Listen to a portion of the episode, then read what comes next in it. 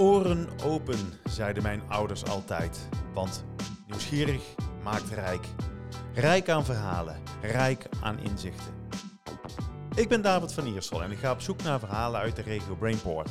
Ik spreek ondernemers die onze kennis verrijken en ons inspireren om wie ze zijn. Fijn dat je luistert naar de podcast Wat is mobiliteit? Waarin ik wekelijks met Roel Hellemons, CEO Eindhoven Airport, gasten ontvang om over de toekomst van mobiliteit te praten. Roel brengt vakinhoudelijke kennis en nieuwsgierigheid mee en ik sla de brug naar het bedrijfsleven. Gast van vandaag is niemand minder dan Rick Scholten van Sorama. Welkom Rick. Goeiedag. Fijn dat je er bent. Ja, dankjewel. Um, heel veel mensen kennen jou wel uit de regio, maar ook een hele hoop niet. Dus zou jij misschien heel kort kunnen vertellen wie Rick Scholten is? Ja, um, Rick Scholten, directeur-eigenaar van uh, Sorama, een, uh, een deep tech bedrijf gespecialiseerd in het uh, inzichtelijk maken van geluid. Dat doen we met zogenaamde geluidscamera's. Nou, dat, dat, ja, hoe, hoe, kenmerkt zich dat? De meeste mensen kennen wellicht wel een thermische kamer of een warmtekamer, waarmee je kan zien waar warmte weglekt in je woning, hè, waar de kiertjes nog zitten.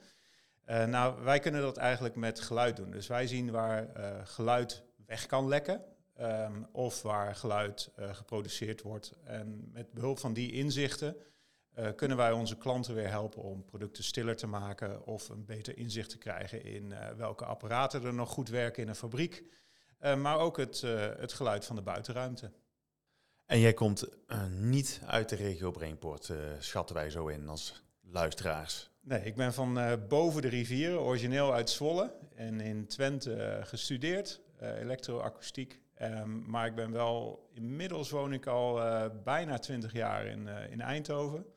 Um, mijn stage hier bij Philips gedaan en daarna eigenlijk ja, zo enthousiast over de regio dat ik hier ben blijven hangen.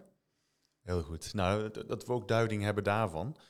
Um, het grappige is dat Roel en ik elkaar aan hadden gekeken van tevoren ter voorbereiding van deze uitzending en zoiets hadden van, maar Sorama, dat uh, wat heeft dat precies allemaal te maken met mobiliteit? Maar jij hebt mij al een keer eerder gezegd dat dat uh, zeker erg van belang is. En daar gaan we het vandaag over hebben. De wat onverwachte invalshoek die we vandaag gaan brengen in deze podcast. Ja. Um, wat uh, was de reden van, jou dat je zo overtuigd was van nou, Sorama heeft wel degelijk veel invloed op, op mobiliteit? Ja, als we, als we naar mobiliteit kijken en wij luisteren naar mobiliteit Um, dan is een van de nou, bijproducten, maar aan de andere kant van voertuigen, hè, auto's, maar ook, ook vliegtuigen en treinen, ook uh, de geluidservaring of de geluidsprestatie van, uh, ja, van zo'n apparaat of van een product. Um, dus aan de ene kant ja, de invloed van geluid op onze gezondheid uh, weten vrij weinig mensen, maar dat is na luchtvervuiling is dat de nummer twee meest schadelijke omgevingsfactor voor de mens dus we, we, moeten daar uh, heel serieus naar kijken in, uh, in ook om de omgang met verkeer. Want uh, naast bijvoorbeeld ventilatie in je woning is verkeerslawaai een van de grootste bijdragers daarin. Um, en dat houdt aan de ene kant in dat wij helpen om inzicht te krijgen, te monitoren welke voertuigen, welke auto's op de weg maken er nou veel geluid relatief gezien en welke weinig. En dat zijn echt nieuwe inzichten die we tien jaar geleden uh, absoluut nog niet hadden. Uh, en tegelijkertijd helpen wij de ontwikkelaars van die voertuigen, hè, de automotive, maar ook um, nou ja, de, de, vliegtuigindustrie en, en treinen. Uh, die ontwikkelteams die zijn ja, enorm veel tijd en geld kwijt aan, aan de investeringen in een goede geluidservaring van hun product, hè, van, een, van een voertuig. En aan de andere kant moeten ze aan hele strenge en steeds strenger wordende eisen voldoen met betrekking tot de geluidsuitstoot, hè, de geluidsvervuiling die ze maken. Nou, wij um, helpen dus eigenlijk aan de voorkant om die prestaties te verbeteren.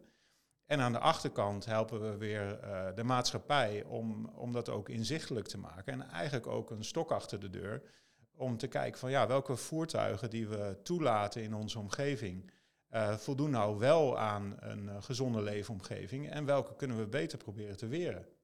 En gaat dat dan echt op, op voertuigniveau dat jullie dat uh, kunnen meten aan de achterkant? Ja, dat, dat is hè, de. Um, eigenlijk, je hebt een normale microfoons. Uh, jullie hebben ze ook in de omgeving ja. staan. Die geven eigenlijk de decibelwaardes weer. En dan, ehm, nou, inmiddels kunnen we dat ook per tijd. En dan kun je het weer indirect koppelen aan een, aan een vliegtuig of een auto. Maar er zijn veel situaties waarin dat, die, die, um, ja, die, dat samenspel heel complex is. En wat we eigenlijk doen is, wij meten met veel meer microfoontjes tegelijk. Um, waar we um, ja, ruimtelijk inzicht door maken. Dus wij zien eigenlijk wat er qua geluidsniveaus en qua frequenties in de ruimte, in de ruimte om ons heen gebeurt. En dat kan tot op het niveau dat wij gewoon de parkeersensoren van een, uh, van een auto uh, op de centimeter nauwkeurig kunnen, kunnen terugplaatsen op een voertuig. Maar ook het bandwegdekgeluid. En van een vliegtuig bijvoorbeeld kunnen we heel mooi zien welke onderdelen van een vliegtuig bij het aanvliegen precies degene zijn die het geluid produceren en op welke frequenties. Dus dat is heel gedetailleerd. Ja, dat is interessant, want ik nou, werk al enige tijd in die, in die luchtvaartsector en ik uh, ben het helemaal met je eens dat geluid een hele belangrijke gezondheidsfactor ook is, die heel veel aandacht krijgt en tot nu toe wordt er vooral berekend wat het geluid is. En we willen allemaal zo graag naar nauwkeurig meten, maar dat blijkt in de praktijk inderdaad heel complex. Maar, maar jullie hebben dus een techniek die daar echt wel een volgende stap kan maken, begrijp ik. En, en passen jullie dat ook al toe op, op vliegtuigen in dit geval, om dat uh, te meten? Nou, wij, um, om vliegtuigen te meten, dat, dat doen we al, hè, maar dan werken we eigenlijk met de ontwikkelaars van ja. vliegtuigen. Ja. Um, we zijn uh, recent wel gestart met nou, rondom vliegvelden met geluidscamera's daar ook inzichten in te geven. Bijvoorbeeld ook met drones. Hè. Dat is een veiligheidsissue ook voor een vliegveld. Um, maar um, ja, daar, daar, zijn we al mee gestart. En eigenlijk kun je op een behoorlijke afstand, zonder dat je de boel frustreert of dat je in het proces zit, uh, kun je hele mooie ja, projecties maken van het geluid terug op het, op het vliegtuig. Ja. En dat is dus, het is nog niet op dit moment zover dat het echt al een, een product is wat we bij veel vliegvelden um, ja, uitzetten. Um, dat is wel zo uh, voor het wegverkeer. He, dus in Eindhoven, bijvoorbeeld op de ring John F. Kennedy-laan, daar hangen acht geluidscamera's boven het kruispunt. Ja. En uh, daar kijken we echt al op voertuigniveau en in relatie tot bijvoorbeeld bestaande geluidswetgeving. hebben we al tests gedaan met hoe nauwkeurig is zo'n geluidscamera eigenlijk ten opzichte van de bekende klasse 1 decibelmeters. Ja. Nou, dat blijkt één op één uitwisselbaar, dus dat is heel, uh, heel mooi resultaat. Um, maar vervolgens kun je dus verder gaan kijken. Welk voertuig was het nou dat met die knalpijp uh, voorbij kwam? Ja. En komen er al heel verrassende inzichten uit? Um, nou ja, dat, dat wel, ja. Um, um, maar daar heb je ook vooral ook uh, de eindgebruikers of de gemeente bij nodig om naar die data te gaan kijken en daar vervolgens ja. weer actie op te ondernemen. Um, maar wat voor ons wel verrassend was, was ook, en dat, dat is ook wel theoretisch ook weer vastgesteld, is dat bandwegdekgeluid bij, bij uh, wat hogere snelheden dominant wordt. Maar wij zagen bijvoorbeeld dat dat al gebeurt tussen de 50 en of tussen de 30 en de 50 kilometer per uur. Ja, ja. En uh, ja, dat zijn wel weer van die nieuwe inzichten uh, um, ja, die, die ons ook verder brengen met uh, hoe je daar mee omgaat. En want daar is bijvoorbeeld, iedereen denkt wel van een elektrische auto gaat een stillere stad opleveren. Maar op het moment dat ze eigenlijk de wijk uit zijn en harder gaan rijden dan 30 kilometer per uur, zie je eigenlijk nauwelijks verschil tussen een ja, elektrische ja. auto en een brandstofauto. En waar komt dat door dan eigenlijk? Um, nou, dat, dat heeft puur te maken met dat um, het geluid tussen de band en het wegdek, dus het asfalt mm -hmm. of, een, of een klinkerstraat, als je een band laat rollen met een hogere snelheid over een bepaald wegdek, uh, dan um, ja, die wisselwerking daartussen, die heeft effect op hoeveel geluid er wordt geproduceerd. Contactgeluid, zeg maar. Ja, dat, dat wordt dominanter dan de motor. Ja, eigenlijk. dat wordt dan dominanter ja. dan de motor. En er zijn wat uitzonderingen, hè, want er zijn natuurlijk wat mensen die een mooie knalpijp uh, achter op een auto installeren en door een tunnel heen rijden en uh, zich willen laten horen. Nou, dat zijn de uitzonderingen. Maar over het algemeen zie je dus al dat, dat kantelpunt naar... En dan, dan is ja, het bandwegdekgeluid, uh, dan is dus heel bepalend wat voor wegdek en wat voor type band je, uh, je kiest. En niet zozeer welke aandrijving erin zit. En, en, en dat is uh, meer de voorkant waar jullie dan bij betrokken zijn. Dus de achterkant is het meten en wat gebeurt er nu echt. En aan de voorkant ben je bij de ontwikkeling betrokken om te kijken hoe je het vervolgens kunt, kunt verminderen. Als ja, ik goed begrijp. Dus dat is eigenlijk een, een hele ja, leuke combinatie. Dat je aan de ene kant, en dat zijn we pas recenter aan het doen, hè, want we zijn al langer bezig met, met, met de fabrikanten van de voertuigen. Um, maar dat we nu door de snelle ontwikkelingen van deze technieken, um, en dat heeft echt met de, technologische ontwikkeling, zitten microfoontjes in die ook in je smartphone zitten. Nou, die zijn veel uh, ja, makkelijker en, en, en in grotere aantallen te produceren dan de, de traditionele meetmicrofoons. Daar gaan prijzen ook omlaag, dus je kunt het breder uitzetten. Um, en daar, ja, in, in dat proces zie je dat um, die techniek die eerst eigenlijk alleen maar uh, in een lab bij Airbus of bij Boeing uh, betaalbaar was en, en ingezet werd, nu dusdanig gedemocratiseerd wordt dat we het ook aan de gebruikerskant, en dus waar het ingezet wordt, uh, kunnen, ja, kunnen verantwoorden en kunnen betalen. Want um, het grappige is, als een auto stiller wordt, uh, ondanks het contactgeluid met de straat, uh, krijg je ook dat uh, passanten, voetgangers, minder goed opletten. de, de Renault Zoe is op een gegeven moment begonnen met hun elektrische auto een bepaald geluidje te laten maken. Dus dat dat gewoon een fake geluid is, een soort zoomgeluid. Uh, om toch maar een bepaalde hoorbaarheid weer te creëren. Dus dan krijg je eigenlijk weer een soort van uh, contra-werking. ja, en dat is een hele interessante, want het is inmiddels al Europese wetgeving dat, uh, dat ook onder die 30 kilometer per uur dat elektrische auto's verplicht zijn om wat geluid te gaan maken om hoorbaar te zijn. Ik vind dat dan interessant, want um, aan de ene kant zijn we hè, als mens, en dat is ook nog een stukje ontwikkeling bij de industrialisatie, zijn we steeds meer op ons gehoor gaan vertrouwen om bijvoorbeeld de weg over te steken. En um, uh, nu zie je eigenlijk dat um, ja, voertuigen stiller worden, veel stiller. En uh, omwille van de veiligheid en iets wat we onszelf hebben aangeleerd, moeten die voertuigen nu opzettelijk geluid gaan maken. En je zou dus ook kunnen zeggen van, nou, misschien moeten wij weer leren wennen aan uh, voertuigen die stiller zijn en uh, ons gedrag daarop aanpassen. Maar dat heeft natuurlijk veel meer tijd nodig dan een simpele aanpassing aan een voertuig. Maar het is wel een, een vreemd fenomeen, want we weten dat geluidsvervuiling, geluidsbelasting, maar ook irritatie, dat dat heel veel stress bij mensen brengt. En, en dat daardoor ook die gezondheidsdruk ontstaat. En toch creëren we wat. En ja, dat is uh, altijd een. Uh, daar heb ik ook niet de oplossing meteen voor, helaas. Maar dat is wel een. Uh, ja, dat is wel een, een interessant ja, compromis dat je daar toch moet zien te vinden.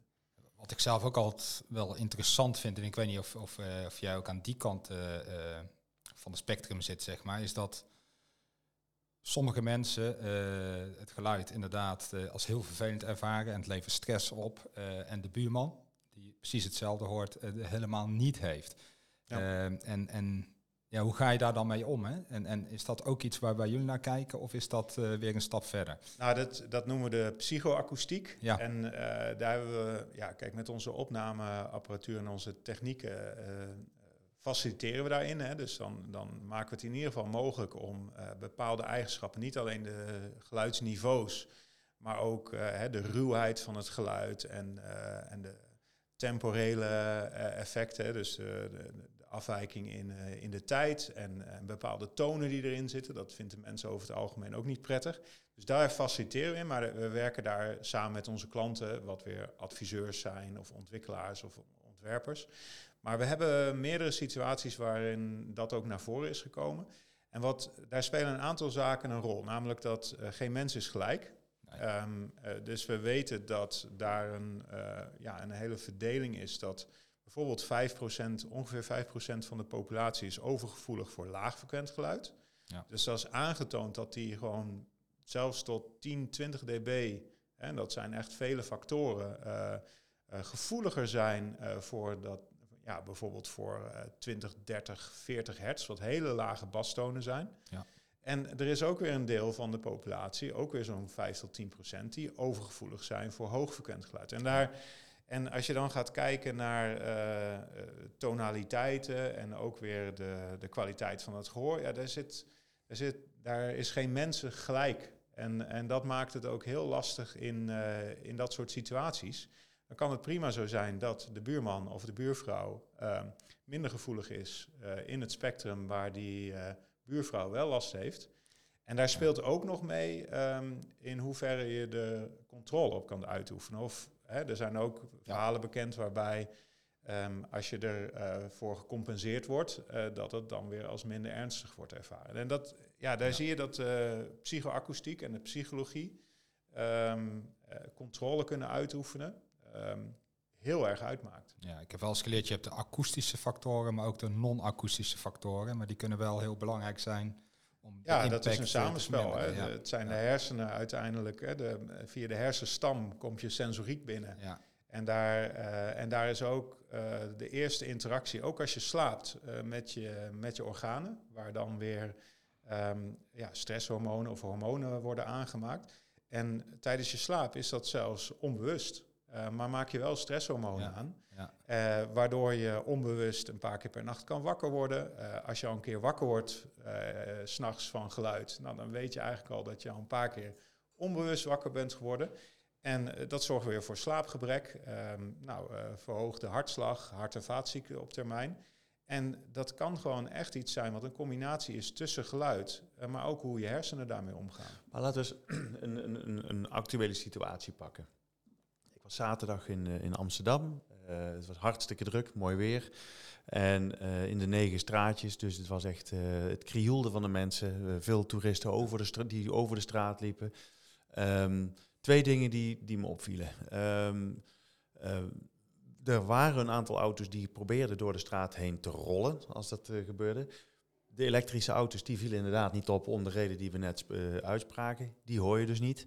Dus die werden ook niet begrepen. Er is verder geen contact of geen gehoor. Uh, en het tweede was um, um, eigenlijk de snelheid van de elektrische fietsen die me opviel. En die kwamen met hoge snelheid. Dat waren dan de Amsterdammers zelf, die hadden zoiets van... hey, het is mijn straat en uh, jullie moeten maar opzij gaan. Um, waarom zeg ik dit? Dit is gewoon een alledaags uh, dilemma. Het betekent ook dat de veranderingen in de positieve zin van het woord... minder geluid en wat meer snelheid... ook gedrag uh, gaat veranderen. Dus ik denk dat het ook te maken heeft met onszelf. We zijn zo geprogrammeerd op de mobiliteit die we gewend zijn, uh, dat het dat volgens mij ook daar eens naar gekeken moet worden. Denk ik. Kijk, kijk ik jullie allebei aan overigens hoor. Want gaat hier bij jou ja. niet over gedrag misschien, maar nou ja, wat ik, vinden jullie daarvan? Had het net, ik had het net ook al over gewenning. Hè? En um, wij zijn gewend geraakt om op basis van ons gehoor eigenlijk ook mede te navigeren uh, door een stad. En um, dat, dat valt dan plotseling weg. Um, ja, en gewenning, uh, ja, het woord zegt het al, hè, dat, dat is iets wat over langere tijd uh, wennen we aan zo'n situatie en leren we daarop inspelen. En door eigenlijk de technologische ontwikkeling die zo snel is gegaan, en dat zie je ook bij de industrialisatie, hè, door de duizenden jaren heen dat we ons hebben ontwikkeld, is die 200 jaar is eigenlijk peanuts. En daarom hebben we ook zoveel last van al dat industriële. Hè, want een product wat, wat een aandrijving heeft en wat radertjes heeft, wat beweging, uh, megatronisch. Dat, dat zijn eigenlijk allemaal zaken die we pas de laatste 200 jaar in onze omgeving hebben. En dat is voor de ontwikkeling van de mens is dat maar minuscuul. En daarom weten we daar ook zo slecht mee om te gaan. Want zo'n trigger op, op uh, geluid, hè, op mechanisch geluid, eh, ja, dat, dat wordt als oké ervaren als het niet te veel ons... Uh, nou ja, noem het maar, ons lagere brein triggert van hé, hey, dat is misschien een, uh, een wolf of een beer die, die op me afsluipt. Hè. Dat, is, dat zijn eigenlijk de triggers die je krijgt. Fight, flight. Hè. Ga ik vechten of ga ik vluchten? En dat, dat zijn dezelfde zaken die we in de stad gebruiken om te navigeren. Ja. En dan valt dat ineens weg en dan weet je ja, ik, ik, heb natuurlijk ook ervaren, uh, recent in de coronatijd was het bij ons enorm stil. Uh, werd er niet of nauwelijks uh, gevlogen. Daarna werd er weer gevlogen, maar bij lange na nog niet zoveel als uh, net voor corona. Toch leek de, de, de, de, overlast zoals die werd ervaren veel groter. Ook van mensen die me aanspraken, wat zijn jullie in één keer allemaal aan het doen en wat is het een herrie? Terwijl, ja, dat is dus toch die, en dat hoeft dus niet eens zo lang te zijn. Dat was een halfjaartje stil geweest. En je ziet dat het in één keer een, een groter iets was geworden voor heel veel mensen. Het aantal klachten ook in één keer hoger was nog, dan nog daarvoor. Dus Ja, dat is ook interessant. Hoe kun je dat ook omdraaien en hoe kunnen we daar wat positiefs van maken? Hè? Dat is niet, niet uh, door te zeggen, je moet er maar aan wennen, maar, maar juist die factoren, hoe mensen er ook mee omgaan en uh, hoe je het kunt verminderen. Ja. Nou, misschien ook wel een mooie brug naar, uh, naar de techniek, naar jou. Rick, dat, kun je iets vertellen over um, The Sound of the Hummingbird? Ik, zeg, ik weet niet of ik de, titel nou nog goed uitsprak. Ja, how Hummingbirds Hum. How Hummingbirds Hum, heel mooi. Jullie hebben een onderzoek gedaan uh, naar de kolibrie. Ja. En, uh, en ik zal de korte versie even doen, dan kun jij hem even toelichten. Uh, is dat door die goed te bestuderen, um, is er ook anders, wordt er anders gekeken naar de technieken van de helikopters en drones. Um, zeg ik dat even goed zo? Pak ik het goed samen? Kun jij ja, eens eventjes kort toelichten wat dat onderzoek opleverde? Ja, um, dat, dat, onderzoek um, is in samenwerking gedaan met uh, Stanford en de TU Eindhoven, met uh, David Lenting en uh, Patrick Weinings van, van de TU, PhD-student. En Stanford is in San Francisco? Ja, ja, en ik werd um, benaderd door, door David Lenting, en zit inmiddels weer in Groningen, maar Nederlander in, bij, bij Stanford. En hij belde me op, hij zei Rick, ik, ja, ik bestudeer de natuur en met name dan vogels. En, um, ja, ik, ik, en hij is ook een techneut, uh, TU Delft uh, gedaan. En hij zei van, ja, ik zoek eigenlijk altijd naar sensoren en nieuwe methoden om te kijken naar de natuur, om er weer wat van te leren. En hij zei van, jij hebt um, die geluidscamera's, die arrays, en daarmee is nog nooit um, naar vogels gekeken op deze manier. En dat wil ik graag met je gaan doen. Wil je in het vliegtuig stappen en uh, tien dagen uh, met mij ergens in de wildernis uh, zitten om naar kolibries te kijken? Nou, daar heb ik niet heel lang over na hoeven denken. En een paar weken later zat ik in een vliegtuig met nou, meer dan 2000 microfoons bij me. Dat is iets meer dan de drie die we hier hebben. En, um, en zijn we daar uh, ja, eigenlijk in de, in de wild, uh, in, een, uh, in een laboratorium daar, um, zijn we gaan kijken naar het geluid wat kolibries maken tijdens het vliegen en tijdens het...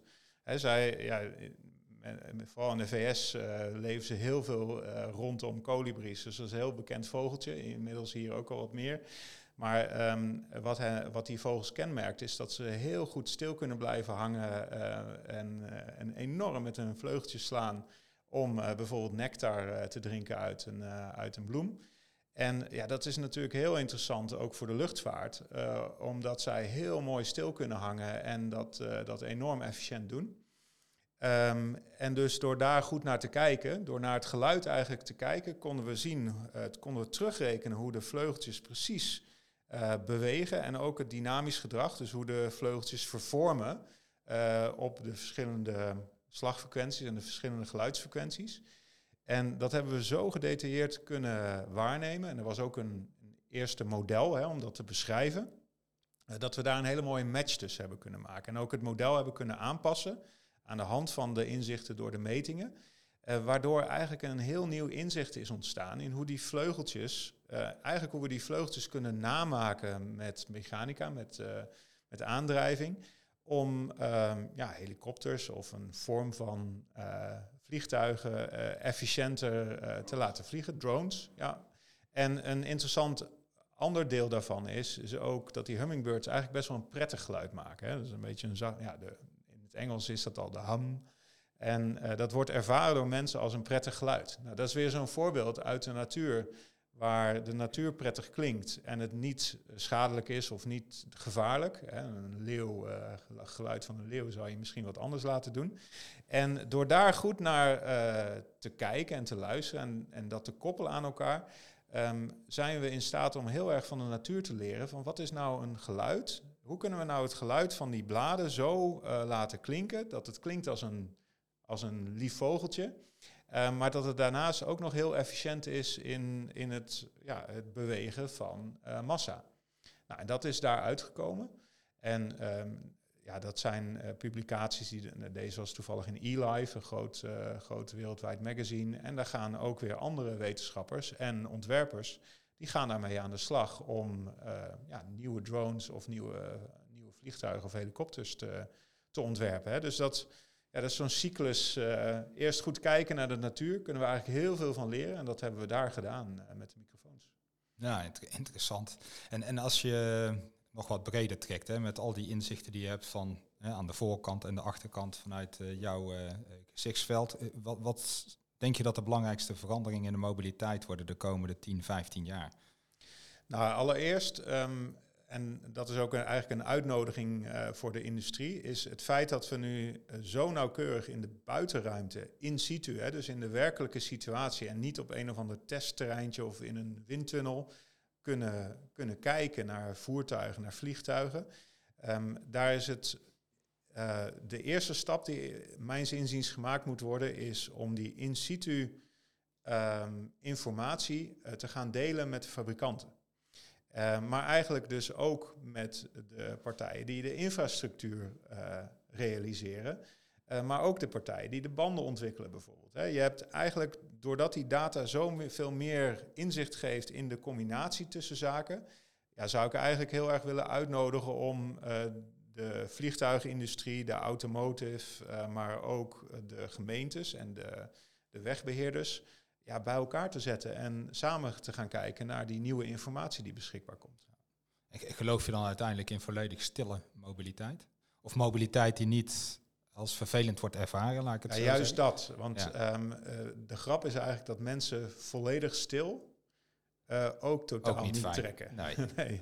Er is een verhaal dat uh, is, een, er is een, de stilste kamer, volgens mij staat die in de VS, is een anagogische kamer, een, een geluidsdode kamer. Uh, dat je daar gewoon, uh, daar is het zo stil dat je het bloed door je aderen in je oren uh, hoort stromen. En dat je daar eigenlijk niet langer dan drie kwartier in kan zitten, anders word je gek.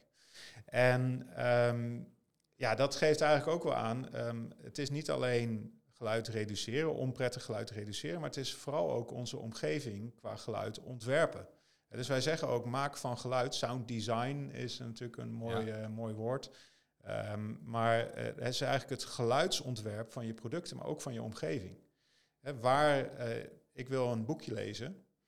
Um, nou, waar in mijn stad kan ik dat het beste doen? In een park waar het rustig is, met uh, blaadjes die een beetje in de wind knisperen en een vogeltje. Nou, dat is een hele prettige om. Maar soms heb je ook zin in een, in een mooi rockconcert of, of een Formule 1-wedstrijd. En eigenlijk um, moeten we meer, en dat wordt ook al steeds meer gedaan, maar moeten we na gaan denken. We doen heel veel visueel ontwerp, maar nog nauwelijks geluidsontwerp. En eigenlijk zijn dat de twee ja. zaken die via onze ogen en oren het meeste invloed hebben op ons, op ons welzijn. Ja.